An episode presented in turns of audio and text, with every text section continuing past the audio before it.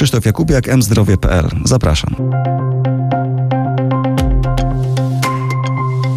Witam Państwa na kolejnej audycji mzdrowie.pl. Dzisiaj będziemy rozmawiali o najważniejszej chorobie na świecie, czyli cukrzycy, z najważniejszym lekarzem od leczenia cukrzycy, co najmniej w Polsce, i na innych kontynentach, pewnie również znanym, panem profesorem Leszkiem Czupryniakiem, UCK WUM. Tak, panie profesorze, dzień dobry. Dzień dobry, witam Państwa bardzo serdecznie. Pan redaktor, z którym się długo znamy, jak zawsze, z dużą skłonnością do przesady. Znaczy, cukrzyca rzeczywiście jest pewnie jednym z wiodących problemów, jakie mamy. Ja jestem jednym z wielu skromnych diabetologów, którzy się nią zajmują, starając się robić to najlepiej jak można. Panie profesorze, skromny diabetologu, tak? Panie profesorze, wychodzimy z pandemii trochę grubsi, trochę mniej zdrowi, trochę otyli, więcej nas jest, jeżeli chodzi o chorych na cukrzycę? No to zdecydowanie, to rząd sam policzył. Po y, pierwszym niecałym roku pandemii yy, kancelaria premiera ogłosiła, że połowa z nas przytyła prawie 6 kilo ale widzimy to normalnie w naszych gabinetach. Widzimy dużo młodych ludzi, którzy przytyli i rozwinęli cukrzycę typu drugiego. Widzimy pacjentów, którzy przytyli mając już cukrzycę, w związku z tym to się przełożyło na gorsze wyrównanie metaboliczne choroby, czyli wyższe cukry. E, widzimy też więcej powikłań cukrzycy, bo pacjenci no, mieli trudności z dostępem do mm, lekarza i no, widzimy zaawansowane, a to zmiany na dnie oka, a to chociażby problem zespołu stopy cukrzycowej. To jest trochę mm, równoległa sytuacja do tej, którą widzą kardiolodzy, mówiąc, że no, zmarło dużo pacjentów, ponieważ dużo mniej było interwencji wieńcowych, zabiegów angioplastyki wieńcowej, po prostu nie zgłaszali się ludzie z zawałami. E, no i chyba przede wszystkim onkolodzy, gdzie też widać więcej nowotworów, widać więcej nowotworów w bardziej zaawansowanych stadiach. My też, no tu pracując w klinice diabetologii chorób wewnętrznych w szpitalu przy Banacha, też trafia do nas więcej pacjentów niż przed pandemią e, z chorobami nowotworowymi. Także ta cukrzyca jest tu jednym z elementów, ale takim, który chyba najbardziej uległ pandemii, czy pandemia w największym stopniu na niego wpłynęła, z bardzo prostej przyczyny. Bardzo dużo ludzi wylądowało na pracy zdalnej w domu, czyli z krótkim dystansem do lodówki, ze zmniejszoną aktywnością fizyczną. Ta praca często trwała wiele godzin, dłużej niż by człowiek siedział w pracy 8, ludzie 10-12 godzin pracowali. E, no i to też rodzi stresy, większe spożycie kalorii, jak mówię, mniejsza aktywność fizyczna, przyrost masy ciała. I to dotyczy w zasadzie każdej grupy wiekowej i młodszych uczniów, studentów ludzi pracujących, no i też rzecz jasna emerytów, chociaż wyraźnie można powiedzieć, i to też statystyki rządowe pokazały, że najbardziej przytyły osoby z wyższym wykształceniem. Także nas obywateli z wyższym wykształceniem cytując klasykę filmową Stanisława Barei, przybyło w kilogramach, ale przecież nie o to nam chodzi. Powinno nas przybywać na sztuki, a nie na masę. Tak mówiąc poważnie, panie profesorze, to myślałem, że pan profesor zacznie rozmowę od tego, że cukrzyków jest mniej, bo podobno bardzo wiele zgonów notowano wśród osób chorych na cukrzycę i z tego, co mówią na przykład firmy farmaceutyczne, spadła sprzedaż insuliny o parę procent. To znaczy, że jest mniej pacjentów. To tragiczne informacje. To nie jestem do końca przekonany, czy to ta, taka jest przyczyna rzeczywiście zmniejszenia zużycia insuliny. Znaczy, prawdą jest rzeczywiście śmiertelność covidowa wśród chorych na cukrzycę była większa. Polskie Stowarzyszenie Diabetyków podaje taką informację, że przez okres pandemii spadła im liczba członków o prawie 10%. Czyli no to są takie, myślę, twarde dane, zwłaszcza, że członkami PSD są najczęściej ludzie jednak w starszym wieku, zaawansowanym. Tam jest bardzo mało osób z cukrzycą typu pierwszego, a często są to emeryci. Natomiast y, no to, że spadło, spadła sprzedaż insuliny, również tak jak wiemy, refundacja insuliny, kwoty wydawane na refundację insuliny nie rosną. Wynikać może z kilku czynników, no chociażby dlatego, że my coraz szerzej stosujemy nowe leki przeciwcukrzycowe. Mamy takie dwie wiodące grupy w tej chwili, inhibitory SGLT2, analogi GLP-1, a te leki, co wiemy z badań, ale i z praktyki klinicznej, odsuwają w czasie przepisywania insuliny. Także to myślę, że jest kilka czynników. Ale tak, rzecz jasna, pacjenci z cukrzycą umierali pewnie częściej, chociaż znowuż z punktu widzenia no tak naprawdę zwykłego lekarza, jakim de facto jestem, pracującym jako diabetolog, ale tu w szpitalu też jako szeroko pojęty internista, no to po prostu masę ludzi umarło. Z cukrzycą, bez cukrzycy. Tych zgonów nadmiernych, niezwiązanych bezpośrednio z COVID-em naprawdę było bardzo dużo i przecież każdy z nas ma wśród znajomych czy w rodzinie osoby, które zmarły właśnie z powodu COVID-a. Także ta cukrzyca tu rzecz jasna nie pomagała, ale no, nie winiłbym tu jakby tylko niej. Myślę, że w każdej grupie osób dorosłych w wielu różnych chorobach przewlekłych no, zmarło masy ludzi. Pan podkreśla, że jest pan zwykłym lekarzem.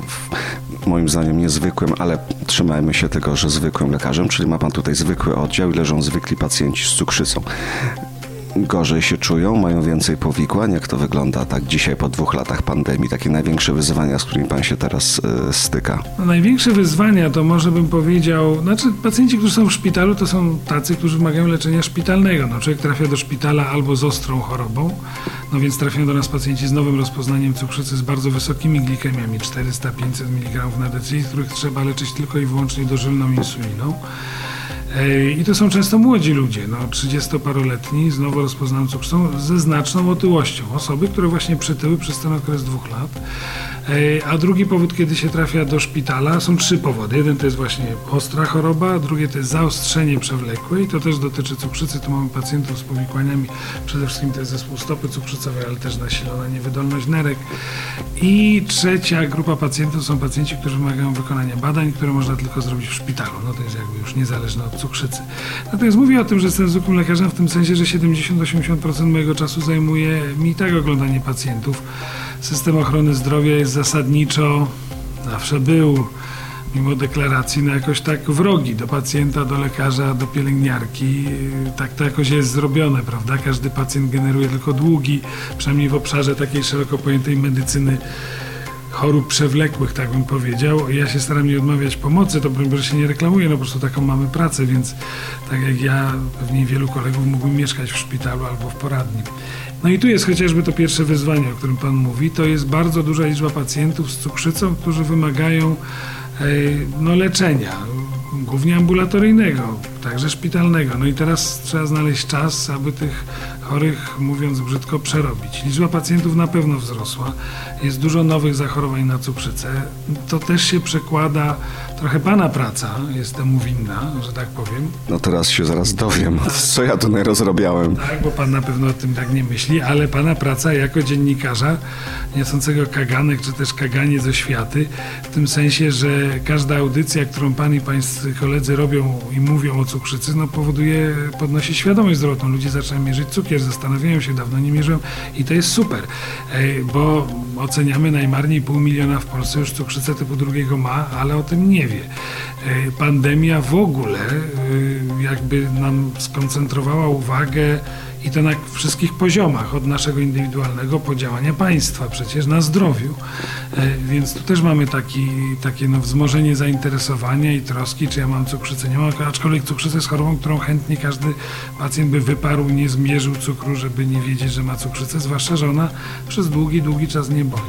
Ale to na pewno, mówiąc poważnie, znowu jest duże wyzwanie.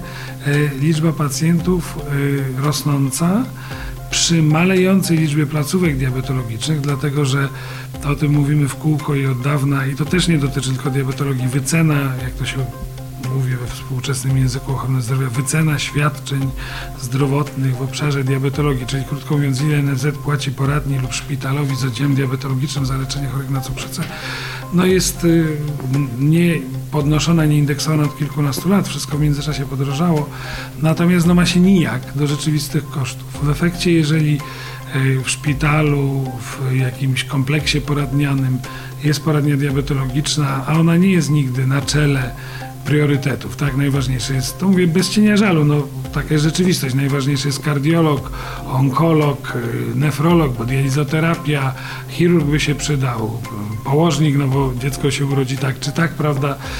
A diabetolog, no to przez wiele lat pokutowało za poprzednich ekip Ministerstwa Zdrowia takie przekonanie, że no, człowiek zrobił się gruby, bo nażar się cukierków, nażar się tych cukierków, przytył, dostał cukrzycę, dobrze mu tak i niech on się teraz tam sam leczy, tak?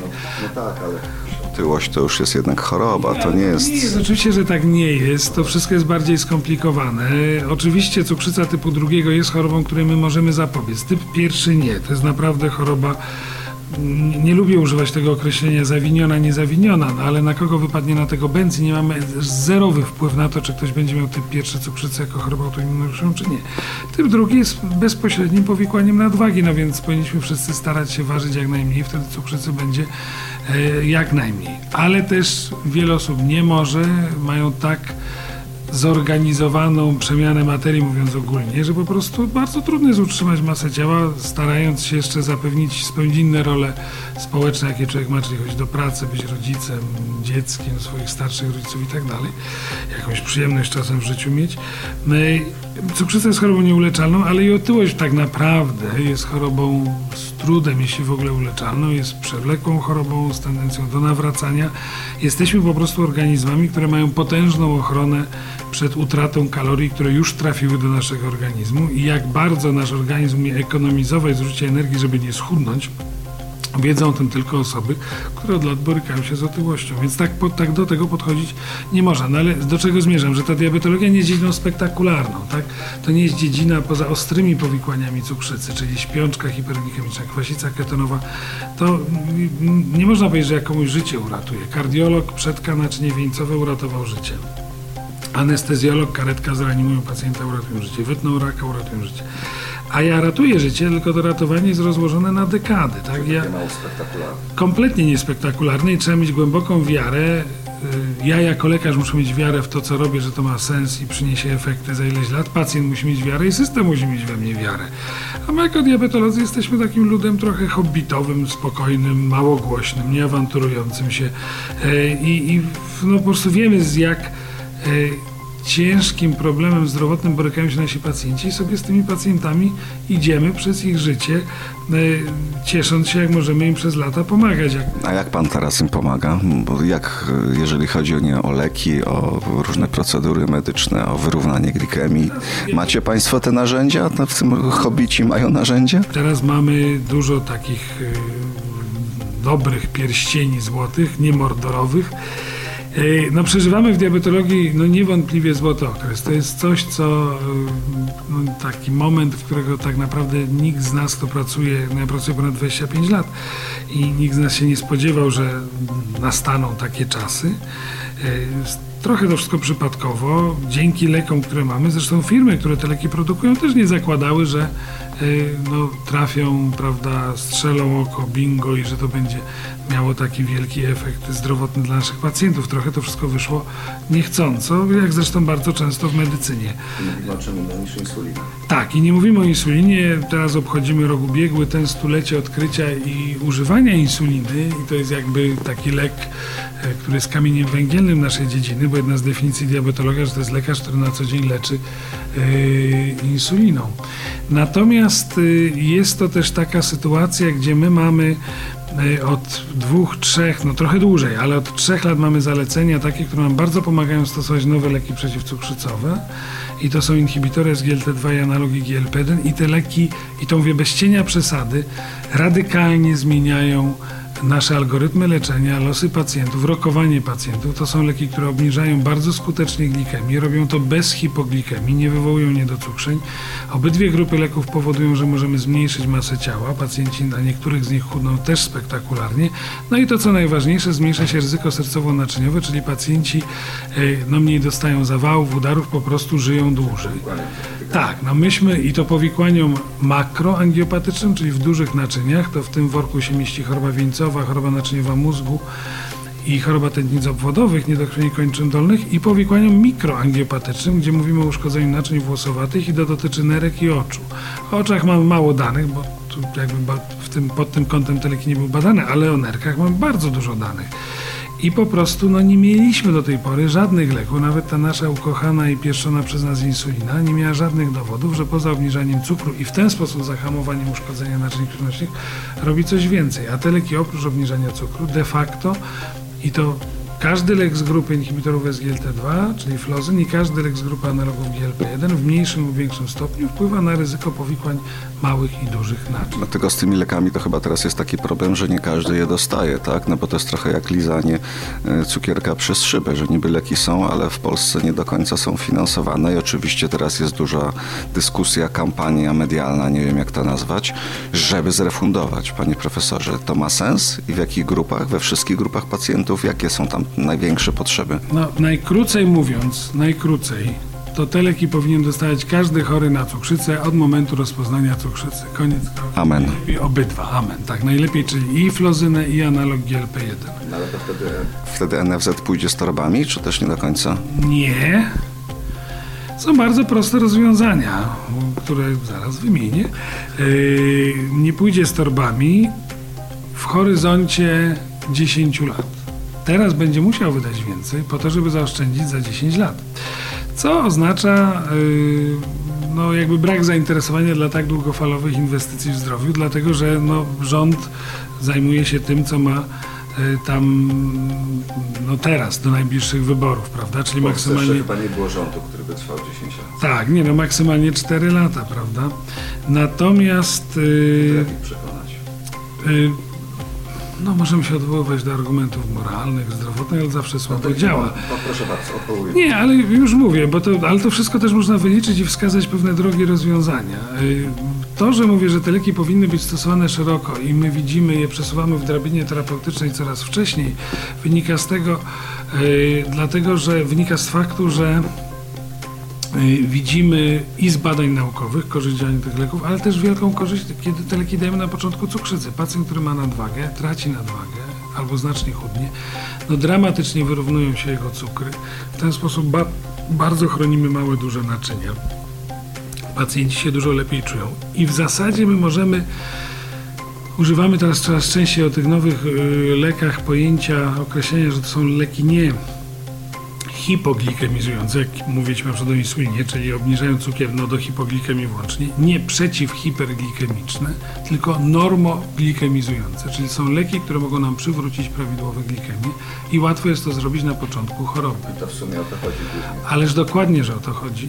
Ponieważ cukrzyca typu drugiego jest tym bezpośrednim powikłaniem nadwagi, no to jeżeli te leki nam niwelują, zmniejszają nadwagę i to naprawdę momentami spektakularnie, to są chorzy, którzy chudną w ciągu roku kilkanaście do 30 kg. No myśmy nie mieli wcześniej takich leków. Analogi GLP-1 są zarejestrowane w Stanach w czerwcu ubiegłego roku, w lutym tego roku w Europie do leczenia otyłości. E, Leki bezpieczne. Te leki są z nami flozyny 10 lat, e, leki inkretynowe, analogi GLP-1 ponad 15. E, No jakby nasz entuzjazm w ciągu ostatnich dwóch i pół roku, od kiedy one zaczęły być refundowane w wąskim wskazaniu, co spowodowało, że my zaczęliśmy je szerzej stosować, no po prostu zrobił się niepomierny. Teraz Ale już oblicz, obliczyliście już, że to się opłaca? W jaki sposób? na pewno opłaca. To takie No, ale panie profesorze, jak ktoś mówi na pewno, to znaczy, że nie jest pewien. Nie, nie, nie, no to no, takimi obliczeniami dysponują producenci. Ale ja, ja powiem bardzo, no, pro, bardzo prosta rzecz. Ostatnio, y, bo mnie to in, intryguje jakby i, i no, samo mi się myśli, jak tu zrobić, żeby było może lepiej, co może jest wyznacznikiem jakiejś choroby. Ale y, mm, to, że te leki są refundowane, jak mówię w wąskich wskazaniach, tam chory musi być na dwóch lekach doustnych, mieć 8% hemoglobiny glikowanej, e, musi mieć wysokie ryzyko sercowo-naczyniowe, a w przypadku analogów GLP-1 musi mieć BMI 35 i więcej. To jest już duże BMI, to są już naprawdę mocno otyli pacjenci. No na pewno lepiej jest działać wcześniej, nie doprowadzać do takiej otyłości i konsekwencji. Zwłaszcza, że my mówimy o ludziach, którzy nie stoją nad grobem. Mówimy o ludziach 30, 40, 50-letnich, aktywnych zawodowo, którym ta otyłość zaczynała no, ograniczać możliwości życia, pracy i tak.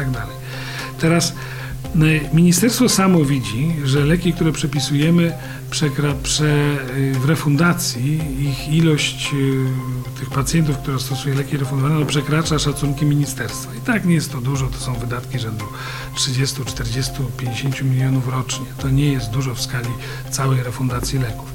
Ale ministerstwo refunduje leki, które tak naprawdę należałoby podjąć decyzję strategiczną, że nade, nadejszła era nowych leków i w związku z tym to zaczynam zdanie. Ministerstwo. Tak. Należałoby spojrzeć na to inaczej, że nadeszła era nowych leków. E, Te leki oczywiście mają swoją cenę, ale ona no, nie rośnie, ona nawet powolutku się obniża. Firmy tam co mogą, no jesteśmy w Unii, obowiązuje minimalna cena unijna, nie mogą zrobić ceny niższej. Pewnie dla Polski, gdybyśmy w Unii nie byli, to by mogli, ale dobrze oczywiście, że w tej Unii jesteśmy. Właśnie myślałem, że to jest argument za polexitem. Nie, nie no, pan, Unia, Unia nie jest może organizacją idealną i do wielu rzeczy można się przyczepić, ale no, korzyści przecież są jednoznaczne, chociaż w obecnej dobie NATO jest oczywiście ważniejsze to, że nie ma wojny u nas, to dzięki temu, że jesteśmy w NATO, a nie w Unii tak naprawdę. Ale to temat na inne nasze spotkanie i może do innej audycji. Bardzo dziękuję za rozmowę. Gościem dzisiejszej audycji był Leszek Czupryniak, internista, diabetolog. Dziękuję bardzo.